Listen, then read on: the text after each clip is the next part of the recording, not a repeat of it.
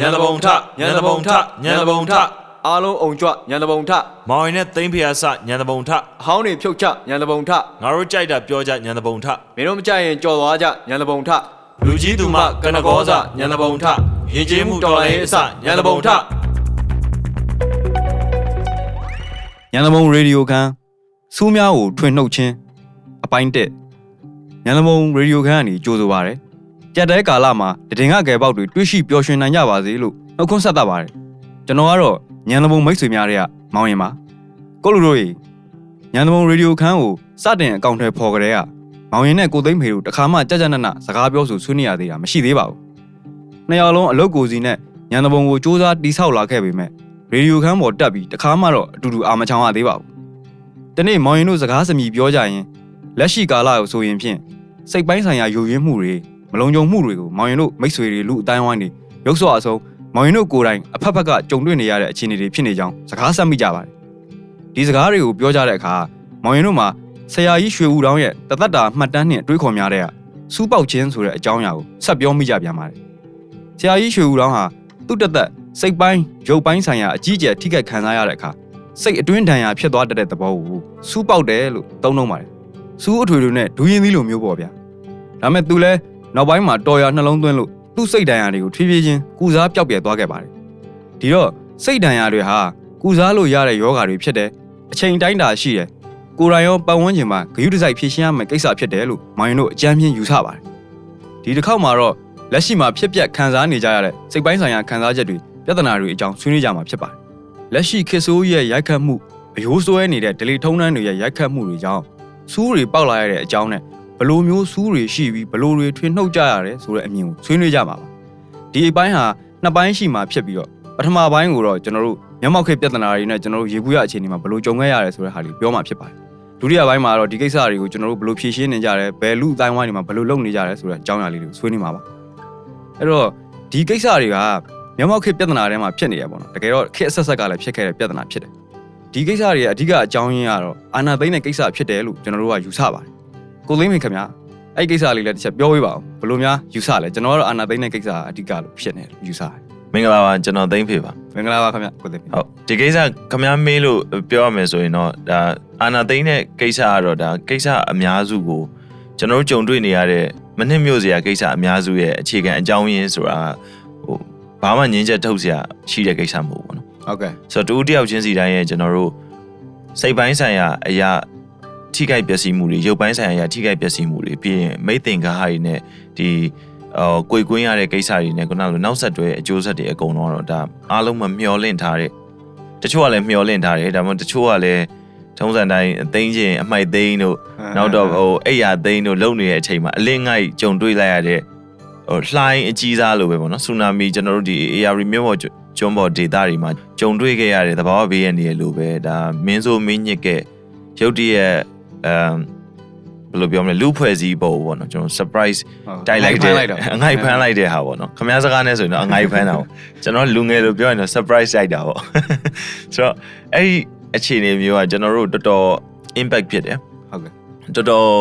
တော်တော်လေးဆူဆူပါဖြစ်တယ်အဲ့ဒါကပြီးတော့နောက်တစ်ခုကလူအဖွဲ့အစည်းမှာရှိအလှော်တိုင်းအောင်ဖြစ်တာဥပမာဆိုရင်ဒေါ်လာဈေးတွေထိုးကျသွားရဆိုရင်တက်တည်မဲ့လူကတစုပဲရှိတယ်ဟုတ်ကဲ့ဒါပေမဲ့အာနာသိမ့်မှုဖြစ်စဉ်မှာ impact ဖြစ်သွားတဲ့ လူဖွဲ့စည်းရဲ့ပေါ့နော်ခုနကလိုဒီဟိုဟာကလွှမ်းခြုံထားမှုကတအားတအားကျေပြန့်တဲ့အခါကျတော့ကျွန်တော်တို့ဖိုးဖိုးသူရောတောင်မွေးရောအဲဟိုဟာရောအကုန်လုံးလဲကြတဲ့ဟာပေါ့နော်တကြောင်လုံးလဲကြတဲ့အဲကာလာဖြစ်နေရဲ့လို့ကျွန်တော်အနေနဲ့ခံခံစားမိတယ်ပြီးတော့ကိုယ်တိုင်လည်းမြင်တွေ့နေရတယ်ပေါ့နော်ဒါကတော့အဲ့တော့ပြောရရင်တော့အာနာသိမ့်မှုဖြစ်စဉ်ကတော့အခြေခံအကြောင်းရင်းတွေတဲကအာတစ်ခုဖြစ်တယ်ပေါ့ကျန်တဲ့ဟာတွေကတော့နောက်ဆက်တွဲဖြစ်စဉ်တွေကတော့အများကြီးရှိတာပေါ့နော်ဟုတ်ကဲ့ဆိုတော့ကျွန်တော်တို့အဲ့လိုထင်တယ်ဗျဟုတ် ဒီအာနာသိမ့်တဲ့ကိကိစ္စကလည်း3နှစ်လောက်ရှိလာတဲ့ခါမှာကျွန်တော်တို့အနိဋ္ဌာယုံမျိုးမျိုးဒီအာယုံမျိုးမျိုးကိုခံစားကြရပြီလူတွေကလည်းတချို့ထုံလာပြီလို့ပြောကြတယ်ဘာကြောင့်ထုံလာရလဲပြန်ပြောင်းလှန်ရရင်မြန်မာနိုင်ငံမှာနိုင်ငံရေးအပြောင်းလဲဖြစ်ခဲ့တဲ့ခုနဟိုဆယ်စုနှစ်ကစရမယ်ထင်တယ်ဟုတ်ပထမဆယ်စုနှစ်ပေါ့နော်လူငယ်မျိုးဆက်တွေနိုင်ငံတွင်းမှာနေထိုင်ကြတဲ့လူသီးသီးတွေကဒီဆယ်စုနှစ်တည်းမှာအိမ်မက်တွေအများကြီးမက်ခွင့်ရပြီးတော့နိုင်ငံမှာလွတ်လပ်မှုဆိုတာဟိုစာအုပ်ထဲမှာတောင်တခြားနည်းတွေနဲ့ဖော်ပြနေရနေရတဲ့ခေတ်ဗျာ အဲ့မှာကဘာနဲ့ချီတဲ့ခက်ကိုတက်လန်းနိုင်ဖို့နည်းနည်းလေးမျောလင့်ချက်ရှိရဲ့အနေအထားတခုရှိရဲ့လို့ထင်ခဲ့ကြရတယ်ပေါ့။အဲ့လိုဖြစ်အောင်လည်းဖန်တီးထားမြန်မာတွေကရှေးဂျပန်ခေတ်ကတည်းကဒီရွှေရီစိန်လွတ်လပ်ရေးဆိုတာရှိခဲ့ပေမဲ့ဒီဘက်ခေတ်မှာတော့အကုန်မေ့သွားကြတယ်ထင်တယ်။อืมအချင်းချင်းဒီလောက်မလုပ်တော့ဘူးဆိုတဲ့စိတ်နဲ့လည်းအကြိုက်နေခဲ့ကြတယ်။အတိုင်းတာတစ်ခုတည်းလဲစားဖို့နေရအဆင်ပြေခဲ့တယ်ကိုသိမ့်မလို့သိပါတယ်ဒီကိစ္စ။ဒီ2010ကနေ2020ကြားကာလအနှစ်10နှစ်ပေါ့နော်။ဟုတ်လူဖွဲ့စည်းရဲ့အိမ်မက်တွေကိုအကောင့်တွေ follow ရနိုင်မဲ့မျှော်လင့်ချက်တွေရှိခဲ့တယ်။ ဒီတော့အာနာသိမ့်မှုဖြစ်လာတဲ့အခါမှာလူတွေဟာကိုယ့်ရဲ့အရာရာကိုဆုံးရှုံးလိုက်ရတယ်ခုနကကိုသိမ့်မှုပြောတဲ့နေရာမှာလည်းပါတယ်အဲ့ဒီမှာရုပ်တရက်သဘောပေါက်သွားတယ်ပေါ့သူတို့အခြေအနေကိုဆယ်နှစ်ကာလမှာလူတူးချင်းစီတိဆောက်ရလာတဲ့အရာတွေမှန်သမျှအကုန်လုံးပျက်စီးသွားတယ်ဟုတ်ဒီကိစ္စမှာဘယ်သူမှမဆိုတနည်းနည်းနဲ့ပျက်စီးရကြုံရတယ်လူတစ်ယောက်ဟာအ ਨੇ ဆုံးကတော့ဟိုနေတိုင်းစိတ်ဖိစီးရစိတ်စိတ်ဖိစီးရတယ်ဟု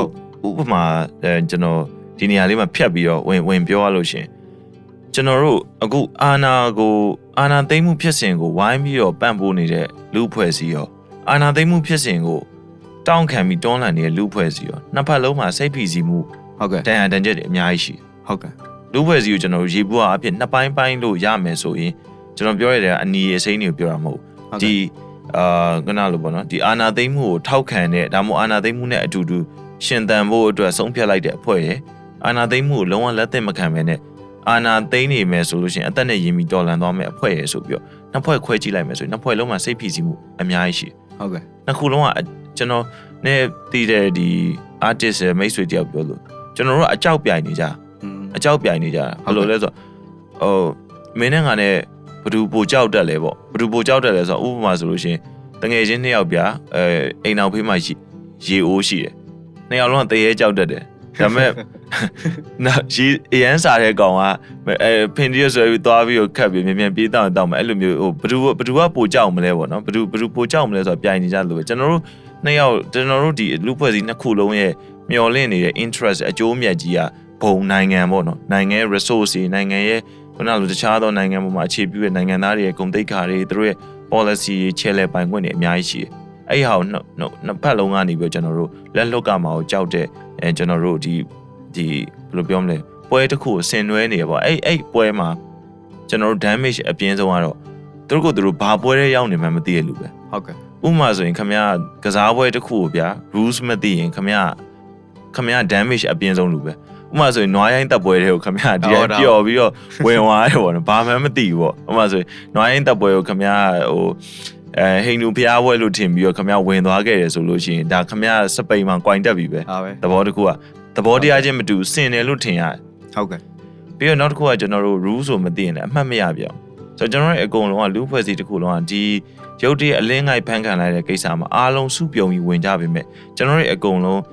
အဲ rule တွေပြီးသွားလို့ရှိရင်ဒီပွဲနဲ့ပတ်သက်တဲ့ဖြစ်စဉ်သဘောတရားတွေမသိမသိနေကြအောင်ဟုတ်ကဲ့အဲ့တော့ဒီပွဲကဘယ်လောက်ကြာမလဲဆိုတာမသိ ဒီပွဲကဘယ်လိုမှတ်ရမလဲဆိုတာမသိဆိုတော့အဲ့တော့ကျွန်တော်တို့ကဒီ uncertainty ပေါ့နော်ကျွန်တော်တို့မသေးချာမှုမရေရာမှုပို့ပြီးကျွန်တော်တို့ anxiety မြင့်စေဟုတ်ကဲ့ဥပမာဆိုလို့ရှိရင်ဗျာကျွန်တော်တို့အာ migrants တွေဒီကမ်းကိုကူးကြရတယ်ပေါ့မြစ်ကိုဖြတ်ပြီးကူးကြရဆိုရင်ဒီဘက်မှာရှိရဲအဲ့လိုမျိုးမြန်မာပြည်ကလူတွေတခါမှသူတို့မတွေးထားဘူးမြစ်ကြီးကိုဖြတ်ကူးပြီးတော့တခြားနိုင်ငံမှာဟိုနိုင်ငံပဲဖြစ်ရလိမ့်မယ်လို့ အဲ့တော့သူတို့တခြားနိုင်ငံကိုသူတို့ imagine လုပ်ထားတဲ့ပုံကဘာလဲလည်းမသိဘူးဟုတ်ကဲ့အိန္ဒိယပဲဖြစ်ဖြစ်ထိုင်းပဲဖြစ်ဖြစ်တရုတ်ပဲဖြစ်ဖြစ်အဲ့ဒီနေရာမှာသူတို့ကိုကူးသွားတဲ့လူတွေလူကုန်ဆိုတဲ့ကိစ္စကလည်းတကယ်ကိုကျွန်တော်တို့ကုန်ပစ္စည်းလိုပဲမှန်ပါတယ်ကုန်ပစ္စည်းတစ်ခုကသူဘာမှ complain မတက်ဘူးဘယ်ဘာမှအဲ complain တက်လို့မရဘူးပြီးရင်ကုန်ပစ္စည်းကသူ့ရဲ့ destination ကိုရွေးချယ်ခွင့်မရှိဘူးဘူးမရှိဘူးဆိုတော့ destination တဲ့နေရာမှာသူတို့ drop off လုပ်ထားပေးခဲ့မယ်အဲ့ဒီနေရာမှာကိုယ့်ကိုယ်အဆင်ပြေလို့အဲစီမံဆိုတဲ့ဟာအဲ့လိုဟာမျိုးအများစုကြုံတွေ့လာရတဲ့အခါမှာ ဆိုတော့ကျွန်တော်တို့မြင်တာဒီဘက်ကန်းကိုကူးလာတဲ့လူတစ်ယောက်ကိုပဲမြင်တာအဲ့တော့ကျွန်တော်တို့က head count နဲ့တွက်ပြီးတော့ဒီ trauma စီကိုတွက်မယ်ဆိုရင်ကန်းကိုကူးသွားကြတဲ့လူတစ်တန်းလားစစ်ချောင်သွားကြတဲ့နှစ်တန်းလားအဲ့လိုတွက်လို့မရဘူးသူတို့ရဲ့ချစ်ခင်ပြီးတော့သူတို့နဲ့အတူတူနေပြီးတော့ကြံခဲ့ရတဲ့9တန်းကြံခဲ့မလား6တန်းကြံခဲ့မလားအဲ့ဒီအတိုင်းဝိုင်းနဲ့ဥပမာဆိုရက်ကွက်တစ်ခုမှာဗျာဟိုရက်ကွက်ကမကထလုပ်တဲ့ဦးလေးပဲဆိုပါစို့ဒီဦးလေးကြီးကကန်းကိုပြောင်းပြေးသွားပြီဆိုတော့အဲ့ရက်ကွက်မှာလေသူတို့မှာ damage ရှိတယ်ဒါရက်ကွက်အဆင်ပဲရှိသေးတယ်ဟုတ်တယ်မိသားစုဆိုဆိုလို့တော့ရှိရပျောင်က်သွားတယ်ဆိုတာအဲမိသားစုဆိုလို့ရှိရင်ပိုပြီး damage ပြင်းမယ်ဟုတ်ကဲ့ဆိုတော့အဲ့လိုဟာမျိုးကိုကျွန်တော်တို့အများကြီးအာကြုံတွေ့ခံစားနေရတယ်ပြီးတော့နောက်ထပ်တစ်ခုကကျွန်တော်တို့ကဒီနေရာမှာခုနစူးတွေနဲ့ပတ်သက်ပြီးတော့ပြောကျွန်တော်တို့အကုန်လုံးကအကုန်လုံးစူးတွေပေါက်လာကြတော့ပြဿနာဘာဖြစ်လဲဆိုတော့အချင်းချင်းညှိကုန်ကြစူးလေးတွေဆိုတော့စူးလေးတွေဆိုတော့ညှိတာညှိကုန်ကြအဲ့လိုကျွန်တော်လည်းတခြားစူးတွေနဲ့လူလူမြင်နေရတယ် လူဖွဲ့စည်းမှာဘယ်သူစူးပေါက်နေပြီလဲဆိုတော့အခုကတော်တော်မြင်နေရတယ်ဟုတ်ကဲ့မြင်နေရတော့ကိုယ်လည်းစူးစူးမှဆိုတော့ရှောင်းရင်တိန်ရှောင်းရင်တိန်နဲ့ပို့ပို့ပြီးတော့ဝေးလာကြတဲ့အခြေအနေမျိုးဆိုတော့အာသူ့စူးကိုလည်းကိုမနှုတ်ပေးနိုင်ကိုစူးကိုလည်းသူမနှုတ်ပေးနိုင်ဆိုတဲ့အခြေအနေမျိုးတွေကတော့ကြုံတွေ့ရတယ်လို့ထင်တယ်ဗျာဆိုတော့ခမခင်ဗျားတော့ဘယ်လိုတွေးလဲမသိဘူးဟုတ်အဲ့ဒီခုနကိုလိမ့်ပြောတဲ့ကိစ္စတွေပဲအဲ့ဒါ migrant တွေစိတ်ဘေးရှောင်တွေမဟုတ်ဘူးလူဖွဲ့စည်းအသီးသီးပုံစံမျိုးမျိုးအကုန်လုံး unit တယောက်ချင်းစီ unit ကနေပေါ့နော် တတိုင်းပြည်တတိုင်းပြည်လုံးအခြေအနေထိအကုန်လုံးကြုံနေရတယ်ဆိုတော့အဲ့ဒီမလိုအပ်တဲ့စိတ်ဖိပီစီမှုတွေကကဏ္ဍအသီးသီးမှာပုံစံမျိုးမျိုးနဲ့ဖြစ်နေဒီစိတ်နဲ့အရာရာကိုရင်ဆိုင်တဲ့အခါမှာဟိုအရာရာအဖုတစ်ရှိလာတယ်ကိုလိမ့်ပြောတာစူးလဲကြီးဖြစ်နေတာကျွန်တော်တို့ငကိုစိတ်ဖိစီမှုကိုလည်းအဖက်ဘက်ကတွန်းအားပေးသလိုဖြစ်လာတယ်ပေါ့နော်ကျွန်တော်တို့မှာငကိုကလေးကရှိတယ်စိတ်ဖိစီမှုကခေတ်ဆက်ဆက်ကလည်းရှိတယ်အကုန်လုံးကြုံခဲ့ရတာပေါ့ဒါပေမဲ့အခုပိုပြီးဖြစ်လာကြတွန်းအားပေးသလိုဖြစ်လာတယ်နှစ်ဆဖြစ်လာတယ်အဲ့ဒီနေရာမှာတူးချင်းစီအရာရောဒီပတ်ဝန်းကျင်အရာပါဟုတ် ကုံပြောင်းလဲရက်ွက်တဲ့ပုံကိုကြီးပျောက်သွားပျောက်သွားတယ်သားသမီးတွေပျောက်သွားဟုတ်မရှိတော့ဘူးသေလားရှင်လားလည်းမသိရဘူးဆက်သွယ်မရတဲ့ခါလည်းမရရတဲ့ခါလည်းရတယ်ပေါ့ဟုတ်ကိုနဲ့တစ်သက်လုံးပေါင်းလာတဲ့ငွေချင်းတွေကလည်းကိုနဲ့ဟိုဆန့်ကျင်ဘက်ဖြစ်သွားတယ်ပေါ့ကိုကကိုကိုကဘယ်နေရာပဲရက်တီရက်တီသေချာလားသူကကိုနဲ့ဆန့်ကျင်ဘက်ဖြစ်သွားတယ်ကိုမိသားစုကိုအမျိုးတန်းမှာလေအဲ့ဒလန်တွေရှိနေတာမျိုးကိုမိသားစုကိုမိတ်ဆွေကိုယ့်ရဲ့အစိတ်ပိုင်းတွေပေါ့ကိုယ့်ရဲ့လက်ကိုယ်လက်ခန္ဓာတွေဆုံးရှုံးလိုက်ရတာတွေလည်းအများကြီးပဲ နောက်အကြောင်းမျိုးမျိုးကြောင့်ဟိုခိတ္တတူသိသိနေလိုက်ရတဲ့လူတွေလည်းရှိတယ်သူတို့ကသူတို့ဆိုရင်လက်ပြမလုံးတဲ့စိတ်တွေဖြစ်อืมခဏတော့တူသိသိနေလိုက်ရတဲ့အကြောင်း survival အရန်ကြက်လာတော့အင်းအဲ့လိုမျိုးဖြစ်ကြတာပေါ့ပြီးတော့ဒလန်နဲ့အမျိုးဖြစ်ရတာဟိုစီဒီယန်မလုပ်တဲ့အဖေအဖေမျိုးတွေရှိနေတာအဲ့ဒါတွေကလည်းကြောအသိရမှာကိုယ့်ကိုရှက်တာတို့အပြစ်ဖို့တာတို့ဒီကိစ္စလည်းသေးသေးလေးတော့မဟုတ်ဘူးသူကတက်လာဟုတ်တယ်ဒါတွေကဆန့်ကျင်ဘက်အခြေအနေတွေက PR တွေပေါ့အဲအဲ့အဲ့နေရာမှာခုနကျွန်တော်ဒီအပိုင်းမှာမတော်ရင်ခုနကျွန်တော်ကမှကောင်းနေဝင်လာခင်ဗျားတော့ ခုနမေးတာကိုပြောကောင်းကောင်းနဲ့ပြောနေဘာလို့ထုံလာလဲဆိုတော့ကြော်သွားတယ်ဆိုတော့အဲ့ကျွန်တော်တို့လူဖွဲ့စည်းရပါတော့ကျွန်တော်ထုံလာရဲဆိုတဲ့ကိစ္စကလည်းဒါဟုတ်ကဲ့အန်ဟိုနမ်ဖြစ်လာကျွန်တော်အေးအေးထဲမှာအကြာကြီးစိန်လို့ရှိရင်ပထမဆုံးကျွန်တော်တို့10မိနစ်2မိနစ်ကတေလောက်အောင်အေးတယ်ပြီးရင်3မိနစ်4မိနစ်5မိနစ်နောက်ပိုင်းကျွန်တော်ထုံသွားတယ်ဘောလုံးကစားရင်လည်းအဲ့လိုပဲပထမဆုံး15မိနစ်တေလောက်အောင်ပြင်မှန်တယ်ဟုတ်ကဲ့နောက်ထပ်မိနစ်20အပိုင်းနေမှာကျွန်တော်တို့ကခန္ဓာကိုယ်ကိုရောက်လာတဲ့ အဲဝေဒနာနဲ့ကျွန်တော်တို့ပင်ပန်းမှုကိုအဲအသားကြအောင်လို့အချက်ဆုပ်ပေးသွားဟုတ်ဆိုတော့အဲ့ဒါကကျွန်တော်တို့ဟိုကောင်းတဲ့အဲအခြေအနေလည်းရှိလို့တစ်ဖက်မှာလည်းကျွန်တော်တို့အဲမကောင်းတဲ့အခြေအနေလည်းအများကြီးအများကြီးရှိရပါတော့ဆိုတော့နမ်းဖြစ်သွားမသိတော့ဘူးခန္ဓာကိုယ်ကမသိတော့ဘူးဆိုတော့တချို့အများစုမှာဓာတ်ပုံတွေရိုက်ပြီးတော့တင်နေကြတယ်ပျော်နေကြတယ်ရည်စရာမောစရာတွေလုပ်နေကြတယ်အဲအများကြီးဟိုဟာဖြစ်ကြပေမဲ့တချို့လူတွေကကြတော့အဲ့ဒါကိုခုနဘယ်လိုခေါ်လဲဆိုတော့ normalization လားမသိအဲ့လိုမျိုးသုံးကြတယ် social media မှာဟိုနေသားတကြဖြစ်အောင်ပြန်သွားနေကြတယ်ဆိုတော့အဲ့ဒါအဲ့လူတွေတမင်တကာသွားနေမှာမဟုတ်အဲ့လူတွေရဲ့ human instinct ကနေပြီးတော့သွားသွားနေကြတယ်လို့ကျွန်တော်ခံစားရတယ်သူတို့အဲ့လိုမျိုးအပြင်ကိုမထွက်ရတဲ့အခြေအနေကနေပြီးအပြင်ကိုထွက်ရတဲ့အခြေအနေဖြစ်အောင်လုပ်လာတယ်အပြင်ကိုထွက်ရတဲ့အခြေအနေကနေမှအရင်တော့ဆိုလို့ရှိရင် point ကောက်လောက်ထားတဲ့စားတောက်တစ်ခုတော့ငါစားလိုက်မယ်ပြီးရင်ငါ9000သွားလှူလိုက်မယ် သဘောသဘောပေါက်လာတယ်ကျွန်တော်ပြောတာဟုတ်ကဲ့ပါသူကလည်းသူသူ့ရဲ့ balance ကိုသူကသူစူးစမ်းရင်းနဲ့ကျွန်တော်က9000လှူတဲ့ကိစ္စကိုလူတွေသိအောင်ပြောလို့မရဘူးဟုတ်ကဲ့အပြင်မှာသွားစားတဲ့ကိစ္စကိုသူက social media မှာတင်နေတယ်အဲ့ခါကျကျွန်တော်တို့ကခုနကပြောတဲ့ဟုတ်ကဲ့တငယ်ချင်းတွေနှစ်ချမ်းကွဲလာတယ်ပြီးရင်တူတူတိတ်တိတ်နေရတဲ့ကာလအဲ့ဒါကိုလည်းတစ်ဖက်မှာ military ကဒီ Telegram doxing လုပ်တယ်လို့ခေါ်မှာပေါ့ကျွန်တော်တို့ဒီ hand chain ဦးတို့ဘာလို့အဆရှိတဲ့နေရာတွေမှာဟွန်းကျွန်တော်တို့တင်လာကြတဲ့ခါကျတော့လူဖွဲ့စည်းကိုအဲလူဖွဲ့စည်းကပို့ပြီးတော့ဂျင်းတဲ့ချက်တွေကိုတောင်းကျင်းကိုရောက်လာ အရင်တော့ဆိုရင်တော့မှသူကမလုံစိတ်မလုံခြုံမှုကိုဖြည့်ရှင်းဖို့အတွက်သူက post တင်ပြီးတော့နိုင်ငံရေး post စီ share ပြီးတော့သူကတက်တည်ပြလို့ရတယ်ဟုတ်ကဲ့တဖြည်းဖြည်းနဲ့ပို့ပြီးတော့တောင်းကျင်းရောက်လာတဲ့အခြေအနေကလည်းကျွန်တော်လူတွေကိုပို့ပြီးတော့ကျွန်တော်တို့အာစူးတွေအများကြီးပေါက်ပေါက်တဲ့အဲမိတ်ဆွေတွေပို့ပြီးတော့ကျွန်တော်တို့နာမှာရှိလာဘူးဆိုတော့ခုနနောက်တစ်ခုကတော့ CGM မလုပ်တဲ့အဖေတွေကိုယ့်ရဲ့ အဲအဖေမဟုတ်ဘူးအဖေအမေဦးလေးအတော်အစုံပါပဲအစုံပဲနီးစပ်ရပါနီးတော့စက်ရကိုယ်တငယ်ချင်းဘိုးလောင်းနေအဖေအများကြီးပဲဆိုတော့အဲအများကြီးပဲဗျာကျွန်တော်တို့တခြားမီဒီယာတွေမှာဆိုလဲအဲ့ဒါတွေကို portray လုပ်နေကြအောင်မှာအဖေနဲ့အသားနဲ့ပြန်ပြီးတော့တိုက်ပွဲမှာဘာဖြစ်မယ်လို့ညာဖြစ်မယ်လို့ဆိုတဲ့ဟာတွေကလည်းကျွန်တော်လူဖွဲ့စီကိုပို့ပြီးတော့ဟိုအအကြောင်းကြီးအကြီးဖြစ်နေတယ်ဆိုတဲ့ကိစ္စကိုထင်သာမြင်သာဖြစ်လာစေရပါတော့အဲကျွန်တော်တခုပြောချင်တာဒီ မကောင်းဆိုးဝါးရဲ့တာမန်ဖြစ်မှုပေါ့ဟုတ်ကဲ့ဒီဂျူးတွေနဲ့ပတ်သက်ပြီးတော့ပေါ့နော်အစုလိုက်ပြုံလိုက်ခုနကလိုတတ်ခဲ့တဲ့ဟာမှာတာဝန်ရှိတဲ့လူတွေနဲ့ပတ်သက်လို့အဲစစ်ခုံရုံပြန်တင်တဲ့အခါမှာဒီသတင်းစာဆရာမတယောက်ကသုံးသက်ချက်ပေါ့နော်မကောင်းဆိုးဝါးဆိုတာကအရန် neutral ဖြစ်တယ်ကျွန်တော်တို့ဒီလူတွေကိုကြည့်လိုက်လို့ရှိရင်ဒီလိုလောက်ရက်မျိုးလုံမယ်လို့မကောင်းမှန်းသိရတာမထင်တဲ့လူတွေဟာဒီလိုလူတွေကြအမဒီလူဒီလူတွေက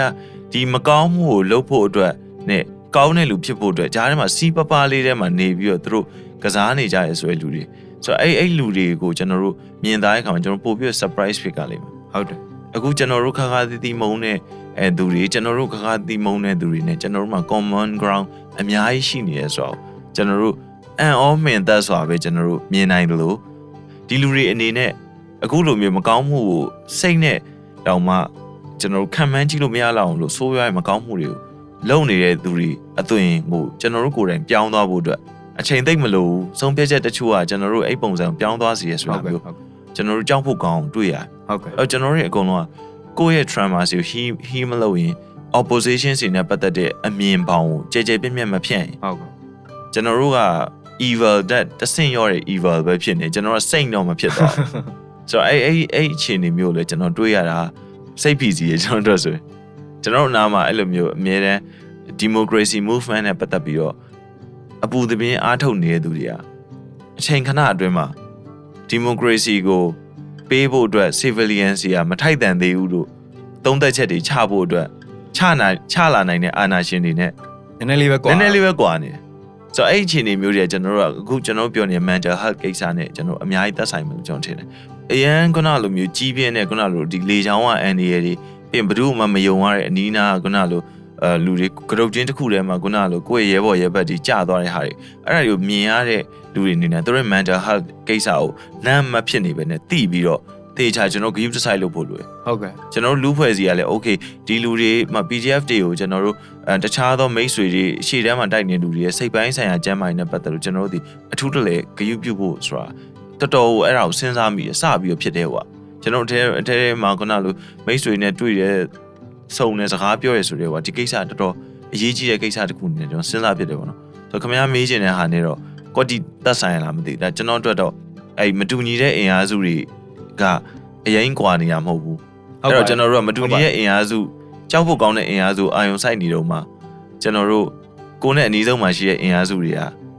ပို့ပြီးတော့ကျွန်တော်တို့ဒီအနေဝေးကွာသွားတဲ့အဖြစ်မျိုးကိုကျွန်တော်မဖြစ်ဖို့လဲအာယုံစိုက်တင်တယ်ပေါ့နော်ဒါအစိတ်ချမ်းမာရေးအရာကျွန်တော်တို့ချင်းကပ်ပြီးကုစားလို့ရတဲ့အရာဖြစ်တယ်ဆိုတာမျိုးတော့ကျွန်တော်မြင်မိတယ်ဗျဟုတ်ဟုတ်ကဲ့ဟုတ်ကဲ့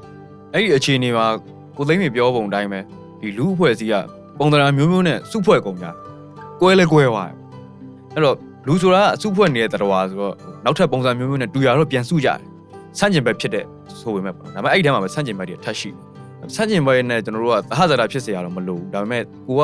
ဘောလာကြဲပြန့်မှုတော့လိုပဲပေါ့နော်နည်းနည်းကြဲပြန့်တဲ့ပေါင်နဲ့အတွေးထော်ရှိဖို့တော့လိုတယ်အဲ့လိုဖွင့်ထားဖို့လဲကိုကကျင့်ဟိုနည်းနည်းဘာလေ့ကျင့်ထားဖို့လိုတယ်ဗျ ဟုတ်အဲ့ အ ဒါ ကြောင်းအရာတွေကိုပေါ့ ဟုတ်တယ်ဥပဒေအကြောင်းအရာလည်းကျွန်တော်တို့က structure ရှိပြီးသားကျွန်တော်တို့မှာ violence ဖြစ်ပြီဆိုလို့ရှိရင်မတရားမှုရှိပြီဆိုလို့ရှိရင်ကျွန်တော်တို့ transitional justice အကြောင်းကျွန်တော်တို့စဉ်းစား ဟုတ် အဲ့ဒီ transitional justice နဲ့ပတ်သက်လို့ရှိရင်ကျွန်တော်တို့ကလူဖွဲ့စည်း majority လူဖွဲ့စည်းကကျွန်တော်တို့အဲ ဘောင်ကျဲတဲ့ definition တစ်ခုကိုဖွင့်ဆိုထားပြီးတော့ကျွန်တော်တို့ကဟိုဟာဖြစ်ဖြစ်ဖို့ဟုလို့တ်ကဲ့ဟုတ်တစ်ချိန်ချိန်ကျွန်တော်တို့ပြန်ပြီးတော့ကျွန်တော်တို့ဒီ democracy ဘတ်တော်သားတွေပို့ပြီးတော့ဟိုကြီးစိုးမဲ့အချိန်တွေရောက်လို့ရှရင်အော်ကျွန်တော်တို့ ਨੇ opposition မှာရှိနေတယ်ပေါ့နော်ဒီလူတွေကိုကျွန်တော်တို့ဘယ်လိုမျိုး bully လုပ်မလဲလို့တွေးထားရဆိုရင်ဒါကျွန်တော်တို့ကမှားနေ ပြန်ပြီးတော့ကျွန်တော်တို့ဒီဘာလဲဆိုတော့ sick ဖြစ်တဲ့အာ community ပေါ့နော်ဒီတစ်ခုခုစိတ်ပိုင်းဆိုင်ရာမှာတခြားလူတစုတစ်ဖွဲ့ကိုကျွန်တော်တို့ဒုက္ခဒုက္ခပေးဖို့အတွက်ကျွန်တော်တို့ကြိုတင်စဉ်းစားနေပြီဆိုလို့ရှိရင်ကျွန်တော်တို့လူဖွဲ့စည်းကအဲကျွန်တော်တို့စူးတွေအရန်များနေပြီဟုတ်ကဲ့အဲပြန်ပြန် short ဖို့လိုနေပြီပေါ့နော်အဲ့ဒီအခြေအနေမျိုးကိုကျွန်တော်တို့အဲဆွေးနွေးရမယ်အရန်သိမ့်မွေးတယ်ဟုတ်ကျွန်တော်ထင်တယ် media တွေကလည်းအဲ့ဒါကို express လုပ်ဖို့အတွက်ကျွန်တော်တို့ကပါလဲဆိုတော့ publicity ကိစ္စကလည်းအရန် အရန်ကြီးနေဒါကျွန်တော်တို့ podcast ဆိုတော့ကျွန်တော်တို့ကပြောလို့ရတယ်ဟုတ်ကဲ့ဟုတ်ကဲ့ဆိုတော့ media တွေမှာလည်းကျွန်တော်တို့ကလူဖွဲ့စည်း majority ကကျွန်တော်တို့တို့ရဲ့ရှိပြီးသား ideology ကိုပြင်ရလောက်တဲ့အထိ media တွေရဲ့ effort ကိုလည်းကျွန်တော်တို့မတွေ့ရတဲ့အခါကျတော့အကိုယ့်ဘာကိုကိုယ်အသိစိတ်တဲ့နဲ့ကိုကိုယ်နီးစက်နီးစက်ရမိတ်ဆွေတငယ်ချင်းတွေနဲ့ကျွန်တော်တို့အသေးစားစကားဝိုင်းလေးတွေစုဖွဲ့မှုနဲ့ကျွန်တော်တို့ပြောဆိုကြတဲ့အရာလေးတွေကနေပဲကျွန်တော်တဆင့်ဆင့်အဲရွေ့သွားလို့ရမယ်ညံရွေ့တစ်ခုလို့ကျွန်တော်ထင်တယ်ပေါ့နော်အခြေခံအကြောင်းအရာပြန်တော့အခုဟို ကျွန်တော်တို့ကတနေရာထဲမှာပဲအကုန်လုံးကတောခိုးတဲ့လူရောမြေအောင်လှုပ်ရှားတဲ့လူတွေရောဒလန်ပြူစောတိဂျန်လီအကုန်တူတူရှိနေတာချိနေသူကမတက်အတူတူနေတဲ့အခြေအနေမျိုးမဟုတ်နေဘူးသူကမချစ်လဲအောင်းလဲနန်းတဲ့အခြေအနေပေါ့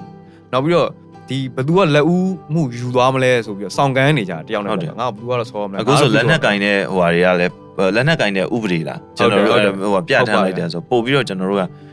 ကြောက်ဖို့ကြာတန်းတဲ့ဥပဒေကိုဖြည့်ပေးလိုက်တာသူက ဖြည့်ဆွဲပြီးတော့ပြင်လိုက်တာဆိုတော့အကုန်လုံးသူတို့ဘက်တော်သားတော်တော်များများကင်လို့ရပါတယ်ဆိုတဲ့သဘောဖြစ်သွားတယ်ကျွန်တော်တို့လူ့ဘွယ်စီကမလုံခြုံမှုကအများကြီးတက်သွားတယ်ဗျဒါကဒီတိုင်းနေနေတဲ့လူတောင်ပါတော့တိုက်ပွဲထဲမှာနေတဲ့လူမဟုတ်ဟုတ်ဆိုတော့ဒါကစိတ်ဖိစီးစီကဖြစ်နေဆိုတော့ဘလို့ကျွန်တော်ရုပ်တရက်ကောင်းထဲမှာပေါ်လာကျွန်တော်တို့ဒီအယူတော်တွေကိုလက်နက်တယ်လာတဲ့လေရင်ကခုနလိုမျိုးမှားပြီးတော့ပစ္စည်းတွေချပေးမိလို့ပဲဖြစ်မှာပဲကျွန်တော်အကုန်လုံးကို chaos ဖြစ်မဲ့တကယ်တကယ်ကိုယူသမှုအကြီးစားတွေကျွန်တော်လက်နက်က နောက်မှာကျွန်တော်တို့ပါပါလာနိုင်တယ် ဟုတ် နော် ကဲ့သူကအဲ့လက်နက်ရဲ့တောင်းဝန်ယူမှုတောင်းခံမှုသင်ပေးမှာမဟုတ်ဆိုလိုတာ ဒါရည်ရွယ်ချက်ရှိရှိနဲ့လေဒါ မှန်ပါ ပို့ပြီးတော့ကျွန်တော်တို့အဲယူသမှု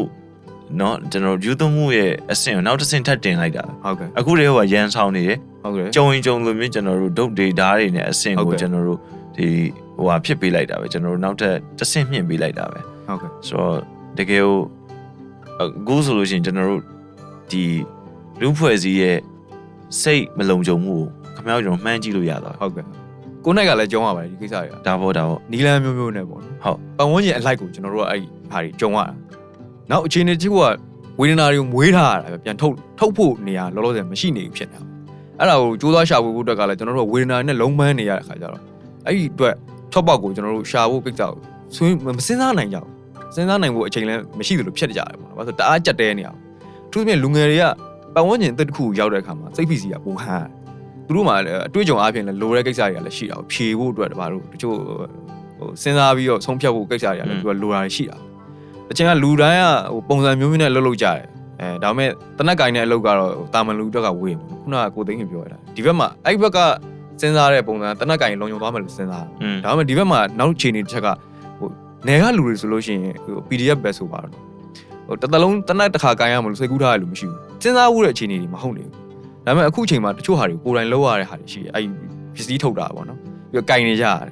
အရင်တော့ဆိုကျွန်တော်တို့တညာလုံးတောင်းချမ်းနဲ့အလုပ်လုပ်တယ်ပြီးရင်မနေ့နေဖင်ထိုးမှထတဲ့အကောင်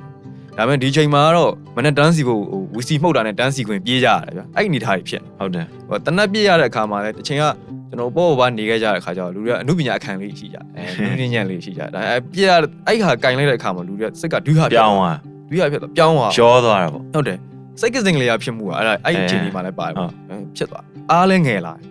ဒါပေမဲ့ရှေ့ဆက်ပြီးတော့အလုပ်တော့လုပ်နေကြပါတယ်တိုက်ပွဲလည်းဝင်ကြတယ်အဲ့ဒီစိတ်တွေကပျောက်တော့မသွားဘူးဝေဒနာကိုမွေးထားတာတခုပဲရှိအဲ့ဒါကိုသိမ်းမြင်ဘယ်လိုမြင်လဲ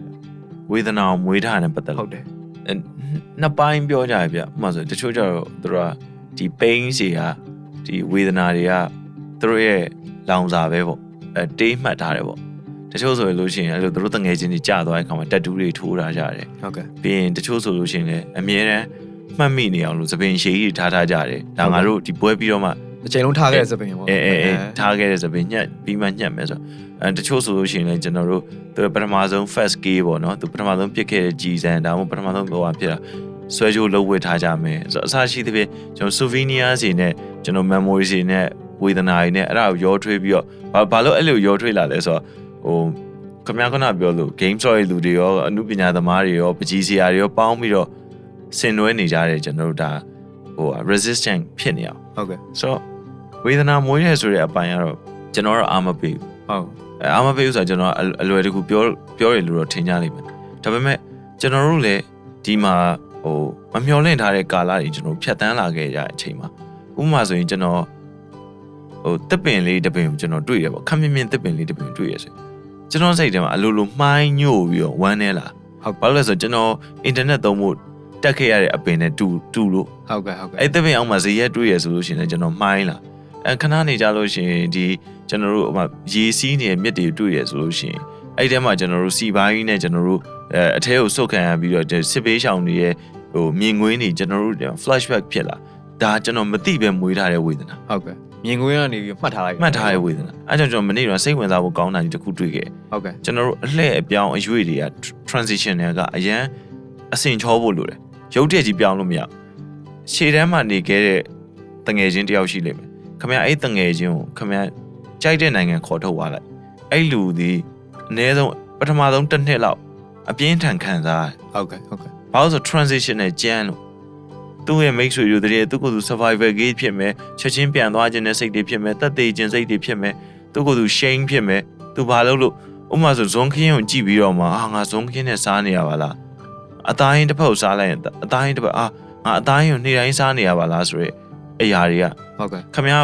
မသိဘဲနဲ့ကိုပြန်ပြန်ပြီးတော့လာလာနေတာဘာလို့ဆိုကြကြုံတွေ့ခဲ့ရတဲ့ရဲဘော်ရဲဘက်တွေအကုန်လုံးနဲ့ကျွန်တော်တို့ဖြစ်ခဲ့တဲ့အခြေအနေပေါ့အဲ့ဒါကျွန်တော်တို့ထဲမှာရှိနေတာရှိနေဟုတ်အဲ့ဒါ survival gate ပေါ့နော်အဲ့ဒါအပြင်းတာနဲ့အဲပျော့တာတော့ရှိမှာပေါ့ဆိုတော့ဘာအဲ့တော့အဲ့အဲ့ဝေဒနာတွေအကုန်လုံးကျွန်တော်တို့ရှိမှရှိတယ်ဒါပေမဲ့ကျွန်တော်တို့ကအေးအားသာလုပ်နေကြအဲ့တော့ transitional ကိစ္စကိုခုနကကျွန်တော်စကားပြန်ဆက်ရလို့ရှိရင်ကျွန်တော်တွေ့ခဲ့ဒီ US Marine လေသူတို့ service နာပြီးတော့သူတို့ဘာဆက်လုပ်လဲဆိုတော့သူတို့တောက်လျှောက်လေ့ကျင့်ခဲ့ရတာသူတို့ကဘာလုပ်လိုက်လဲဆိုတော့ရေအောက်ထဲမှာဘောလုံးကန်တဲ့ကစားနည်းကိုထွင်လိုက်တယ်တငယ်ချင်းတွေစုပြီးတော့ဟုတ်ကဲ့ဟုတ်ကဲ့ retirement တွေအကုန်လုံးစုပြီးတော့ရေငုပ်တယ် ဘောလုံးအအလေးတက်ပါတဲ့ဘောလုံးကိုတော့ပြီးတော့သူက underwater torpedo လို့ခေါ်လာမသိဘူးအဲ့ torpedo လိုမျိုးဒုံးကြီးလေးကိုသူကအရင်တော့ memory စီနဲ့လည်းဆက်ဆက်နေတဲ့ပစ္စည်းလေးပေါ့ဒုံးကြီးဆိုရယ်ရေအောက်ထဲမှာပြစ်တဲ့ဒုံးကြီးဆိုတော့အဲ့ဒါလေးကိုတစ်ဖက်9ရောက်တစ်ဖက်9ရောက်နဲ့အဲ့လိုမျိုးကျွန်တော်အသင်းတွေဖွဲ့ပြီးတော့ကစားကြဆိုတော့အဲ့အဲ့လိုဟာလေးကိုရုပ်တရက်ကြည့်လိုက်လို့ရှရင်တော့အော် okay ဒီဘေးကြီးကြီးကောင်ကြီးမနဲ့ဘလိုက်ရင်းနဲ့ဟောပြီမဟုတ်ဘူးသူတို့သူတို့ရဲ့ transition တွေကိုသူတို့ငြိမ်နိုင်တယ်မြတ်ငြိမ်အောင်သူတို့ရေထဲမှာဆက်ရှိတယ် သူတို့ရေထဲမှာရှိတဲ့အတွေ့အကြုံကိုခုနလိုသူတို့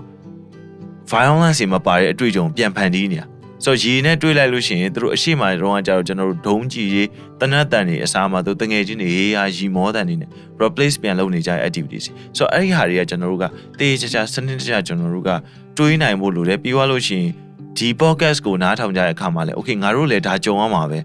ငါတို့လည်းဒီဟာကိုကြုံနေရမှာဆိုတော့ကျွန်တော် sympathies တစ်ခုထွက်တယ်ပြီးအဲ့လူတွေကိုကျွန်တော်နည်းနည်းလေးအဲသူတို့အတွက်လူးလွန်တောင်လို့သူတို့ရဲ့စိတ်ပိုင်းဆိုင်ရာ instability လူးလွန်တောင်လို့ကျွန်တော်သူတို့ကိုအဝင်းအဝိုင်းလေးပေးနိုင်မယ်ဆိုရင်ကျွန်တော်အတိုင်းအတာတစ်ခုတည်းကျွန်တော် heal ဖြစ်နိုင်တယ်ဟုတ်ကဲ့အဲ့လိုမဟုတ်ဘဲနဲ့မင်းမှလည်းစူးနေငါမှလည်းစူးနေ damage ပိုများတဲ့အဲကောင်ကစူးပိုကြီးမယ်အဲ့တော့စူးပိုကြီးတဲ့ကောင်ကလူဖွဲ့စီပါ moral high ground ရမယ်ဟုတ် moral high ground ရလို့ရှိရင်ငါတို့အနိုင်ရမယ်ဆိုလို့ရှိရင်ကျွန်တော်တို့ ကိုယ့်အချင်းချင်းဒုက္ခရောက်နေတဲ့သူအချင်းချင်းမှာကျွန်တော်စူးကြီးတဲ့ကောင်တွေကပို့ပြီးတော့လူဖွဲ့စီမှာနိုင်သွားပြီးတော့စူးသေးတဲ့ကောင်တွေအကုန်လုံးကကျွန်တော်တို့ဗာလဲဆိုတော့ဟို okay ဆရာကြီးကျွန်တော်တို့ကိုလမ်းညွှန်ပေးပါဆိုပြီးတော့အဲ trauma ကြီးတဲ့လူကနေရာကြီးကြီးရလို့ရှိရင်နောက်လို့ကိစ္စတစ်ခုတိုင်းကသူက fragile ဖြစ်တယ်ဟုတ်ဟုတ်ဟိုကြည်ကွဲလွယ်တယ်ထိခိုက်လွယ်တယ်အဲ့တော့ကျွန်တော်တို့ရဲ့လူဖွဲ့စီမှာ trauma နဲ့တဲ့လူတွေအဲလိုအပ်တယ်ဒါမှမဟုတ် trauma ကို heal နိုင်မဲ့ resource တွေလိုအပ်တယ်ပြီးရင်နောက်တစ်ခုက trauma ရှိနေတာကိုအဲအတိမတ်ပြုတ်ပြီးတော့ကိုချင်းစာနိုင်မဲ့ကျွန်တော်တို့ဟိုလူအတိုင်းဝိုင်းတွေလိုအပ်တယ်ကျွန်တော်ကတော့အဲအဲ့လိုမျိုးထင်တယ်အဲတဖြည်းဖြည်းချင်းနဲ့ကျွန်တော်တို့အာပြိုးထောင်ယူရမယ့်ကိစ္စပဲပေါ့နော်လူဖွဲ့စည်းပဲဖြစ်ဖြစ်တဦးချင်းစီပဲဖြစ်ဖြစ်ပေါ့နော်ကျွန်တော်တို့ကဟိုမဆက်ဆံကြည့်တော့မသိဘူးမပြောကြည့်ရင်လည်းမသိမနေနိုင်ဘူးဟိုရှောင်းတာမရှောင်းတာတဲ့ကျွန်တော်တို့ကိုယ့်အခန်းနဲ့ကိုယ်ဟိုစောကြီးကရှောင်းနေတဲ့ကိစ္စမျိုးဖြစ်ရင်လည်းတိတ်တော့မသက်မကောင်းဘူးပေါ့ဟုတ် အဲ့လိုဆိုအကုန်လုံးကလောလောဆယ်မှာဟိုပိန်းနေသီးနဲ့ဒွေးရင်းသီးဖြစ်နေတာအကုန်စူးတွေနဲ့ယူဟုတ်ဟုတ်အသီးတော့အသီးရလားပိန်းနေသီးအသီးရကျွန်တော်အထဲမှာချိုတဲ့အရာသာမှုတဲ့အရာသာရှိကြရှိကြသို့တော့ပိန်းနေသီးနဲ့ဒွေးရင်းသီးကျွန်တော်တို့အခွန်မဖွဲနိုင်ကြဘူးဖြစ်နေတာဟုတ်အဲဘာလို့လဲဆိုခုနကပြောရမွေရင်းနာကိုကျွန်တော်မွေးထားတာကိုဟုတ်ဝေဒနာမွေးထားကိုယ်စိတ်ထဲမှာဒီအပြင်ကရိုက်တာတွေအတွင်းကဖြစ်နေတဲ့ဟာတွေရုပ်ပိုင်းစိတ်ပိုင်းမလုံးကြုံတဲ့အခြေအနေကလည်းကျွန်တော်တို့အစွန်းတယောက်တွေးခေါ်စီဆိုတော့အခြေအနေကလည်းအနိဋ္ဌာယုံနေစိတ်ကျဉ်ကြပ်မှုတွေဖြစ်နေတာတကယ်အခြေအနေစစ်မှာဆိုရင်လူငယ်တယောက်ပဲဖြစ်လူတယောက်ပဲဖြစ်ဖြစ်ဟို လွတ်လပ်မှုတွေကိုလော်လော်ကူကူနဲ့ဆုံးရှုံးလေးမရှိကြဘူးသူတို့ဟာသူတို့သူလွတ်လပ်မှုသူတိဆောက်ထားတာတွေရှိတယ်ဒါပေမဲ့အဲ့လိုမျိုးဖြစ်ကြတဲ့အခါမှာသူတို့မခံနိုင်ဘူးဆိုတဲ့အနေအထားတစ်ခုကလည်းဟိုသွားပြစ်တင်လို့မရဘူးဒီလူတွေကတမာတိမခံဘူးတတိမကောင်းဆိုသွားလို့လို့မကျွန်ရတော်ဘဘူးယ်သူမှအပြစ်တင်လို့မရဘူးဘယ်သူမှအပြစ်တင်လို့မရဒါဒါဘယ်သူမှဒီဒီအခြေအနေကိုလေ့ကျင့်ပြီးတော့ပြိုင်ပွဲဝင်နေရမမဟုတ်ဟုတ်ဘူးဒါကျွန်ကျွန်တော်တော်တို့တို့ရဲ့အခြေအနေဟုတ်မနေဘူးအခြေအနေလည်းမဟုတ်နေဘူးဟုတ်တယ်ဟုတ်ကဲ့ပြီးကျွန်တော်တို့မှတင်ယူမှုလည်းမရှိခဲ့ဘူးမရှိခဲ့ဟုတ်ဘူးဒီအချိန်ဒီမှာလုံးအစိမ့်သက်သက်ရင်ဆိုင်ရတယ်လို့ဖြစ်တာပေါ့နော်ကျွန်တော်တို့က စိတ်နာကလည်းဖြည်းဖြည်းနဲ့ရင်းလာဒေါသဖြစ်တယ်ကြောက်စိတ်တွေပူပန်စိတ်တွေပိုပြီးမွေးလာအဲ့ဒီဟာတစ်ခုချင်းတစ်ချက်ချင်းစီစိတ်ပိုင်းဆိုင်ရာခံစားမှုတစ်ခုချင်းစီဟာစူးတစ်ချောင်းဆိုလို့ရှိရင်ကျွန်တော်တို့ကဟိုပင်လယ်မှာတွေ့ရတန်မချုပ်လို့ဖြစ်နေอืมစိတ်ကလည်းရှိသေးရဲ့ဖြူအောင်လို့အေးစိတ်ကလည်းရှိသေးတယ်အဲ့လိုမျိုးဖြစ်သွားဟိုးဘိုးဒီနေကဆူဖိထားတဲ့ဆူးတွေပါပြန်ထောင်လာပြီးတော့ဆူးလေးဖြစ်နေတဲ့ကိစ္စကိုကျွန်တော်တို့ပေါင်းဆက်ညှိနှိုင်းဖို့အတွက်အခြေအနေတစ်ခုတော့ဖန်တီးဖို့လိုနေပြီလို့တော့ထင်တယ်ကိုသိနေဟုတ်တယ်ဟုတ်ကဲ့ဆိုတော့ဒီအရင်တော့ဖိထားတဲ့ စိတ်အခန့်တွေပါပြန်ကြွလာတယ်ဆိုတဲ့ကိဟုတ်စ္စကဲ့ဟုတ်ကဲ့စိတ်ဝင်စားဖို့တော်တော်ကောင်းတယ်ဘာလို့ဆိုတော့ကျွန်တော်တို့အမြဲတမ်းအဲသတိထားမိတင်တာပေါ့နော်လူကောင်းဆိုတာကဘာလို့မှကျွန်တော်တို့အန်ဒီရမပေးနိုင်မနဲ့သူ့ဘာသူအန်ဒီရမပေးနိုင်လို့ငြိမ်ငြိမ်လေးနေနေလူလူကောင်းလို့ခေါ်တာမဟုတ်ဟုတ်ကဲ့ဟုတ်ကဲ့အန်ဒီရလည်းပြုတ်နိုင်တယ်အန်ဒီရပြုတ်နိုင်တဲ့ကြံရင်ဖန်ရင်လည်းရှိတယ်လုံနိုင်စပန်လည်းရှိတယ်ဒါပေမဲ့ဒီလူဖွဲ့စည်းကိုတော့ငါဒါတွေမလုပ်ဘူးဆိုတော့ စိတ်ပိုင်းဖြတ်မှုနဲ့ voluntarily ကျွန်တော်တို့ဟုတ်ကဲ့ငြိမ်နေတဲ့ဟာဒီကျွန်တော်တို့ဒါတကယ်လူကောင်းတကယ်စစ်တာပေါ့အဲ့တော့ကျွန်တော်တို့တည်းလက်နက်ကင်ထားတဲ့လူတွေအနေနဲ့ကလည်းလူကောင်းဖြစ်ဖို့အတွက်ဒါအခွင့်အရေးကောင်းပဲဟုတ်ဒီအချိန်တွေကဟုတ်ကဲ့ okay ငါတို့ဒီ damage ကိုငါတို့လုံနိုင်တယ်ဒါပေမဲ့ငါတို့ဒီ